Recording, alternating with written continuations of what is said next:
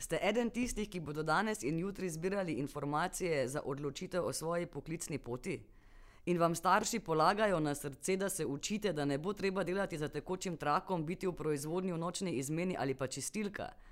Če tudi je raziskava Mladina dva tisoč deset, katere vodja je bil profesor z mariborske filozofske fakultete Miran Lavrič, ugotovila, da imajo slovenski mladi kar nekaj težav pri prehajanju na trg dela, kar vpliva tudi na njihovo zmožnost samostojnega življenja in ustvarjanja družine, se izobraževati splača.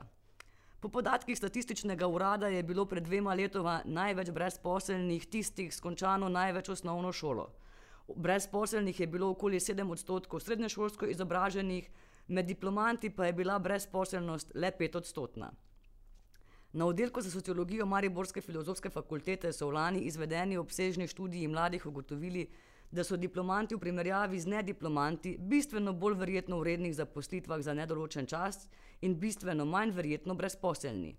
Če sanjate, da boste nekoč sedeli na kakšnem direktorskem stolčku ali bili vodja tehničnega oddelka, je papir s fakultete nujen.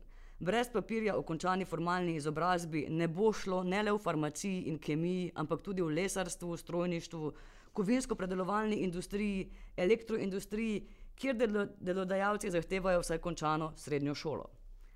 Statistika kadrovskih oglasov na treh najbolj frekventnih kanalih za objave prostih delovnih mest, kot so Moje delo, Moja zaposlitev in Zavod za zaposlovanje, kaže, da je osemdeset odstotkov vseh trenutno objavljenih delovnih mest tistih z do vključno peto stopnjo izobrazbe.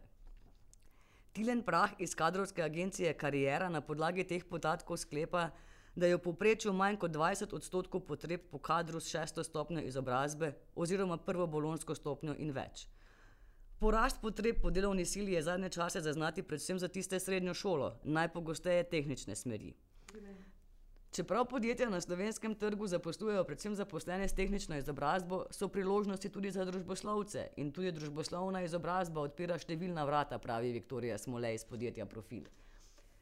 Družboslovci lahko širino, pridobljeno med študijem, uporabijo v različnih podjetjih in na različnih pozicijah.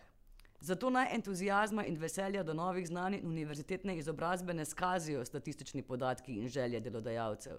Še vedno namreč velja, da višje izobraženi najdejo bolje plačano službo. Glede na razvoj novih tehnologij je dolgoročno pričakovati, da bodo imeli manj izobraženi kadri v povprečju vedno več težav, saj bodo preprosta dela čedalje bolj avtomatizirana. Zato se vam zagotovo izplača študirati.